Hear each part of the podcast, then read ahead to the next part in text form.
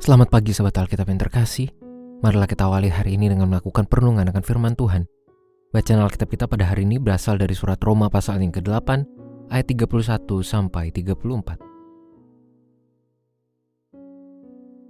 Sebab itu, apa yang akan kita katakan tentang semuanya itu? Jika Allah di pihak kita, siapakah yang akan melawan kita? Ia yang tidak menyayangkan anaknya sendiri, tetapi yang menyerahkannya bagi kita semua. Bagaimana mungkin ia tidak mengaruniakan segala sesuatu kepada kita bersama dia? Siapakah yang akan menggugat orang-orang pilihan Allah? Allah yang membenarkan mereka. Siapakah yang akan menghukum mereka? Kristus Yesus yang telah mati? Bahkan yang dibangkitkan duduk di sebelah kanan Allah dan memohon untuk kita. Salah satu dampak buruk akibat ketidakmampuan dalam mengelola kekuasaan adalah kesewenang-wenangan entah dilakukan oleh si pemangku kekuasaan itu sendiri maupun oleh kerabat atau orang-orang terdekatnya. Tidak jarang orang menggunakan kekuasaan yang dimiliki oleh orang lain untuk melindunginya dari jerat hukum akibat melakukan pelanggaran-pelanggaran tertentu, maupun untuk menindas orang lain. Ia menyangka bahwa kekuasaan yang lekat pada dirinya, entah secara langsung maupun tidak langsung, telah memberikan kebebasan yang liar baginya untuk bertindak. Tentu saja, Hal ini merupakan sesuatu yang buruk dan merugikan, serta sangat disesalkan. Oleh sebab itu, dibutuhkan kedewasaan dan pemaknaan yang tinggi dalam merespons kekuasaan.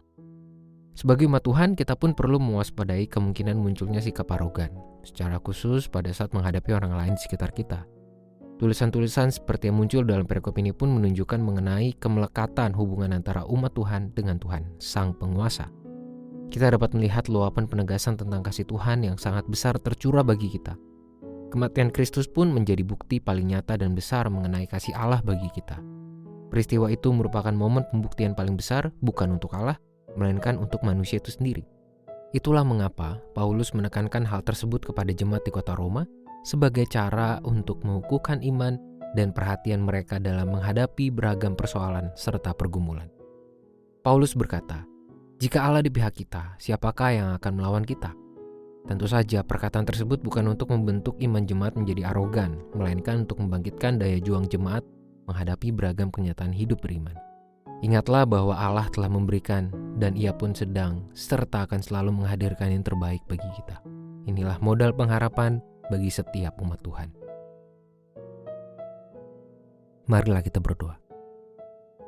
Tuhan terima kasih atas curahan kasih-Mu yang begitu besar. Tuhan telah membuktikan bagi kami betapa besarnya cinta-Mu kepada kami. Betapa Tuhan begitu mengasihi kami.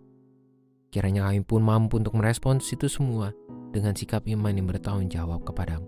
Hanya dalam nama Tuhan kami Yesus Kristus kami berdoa dan menyerahkan kehidupan kami. Amin.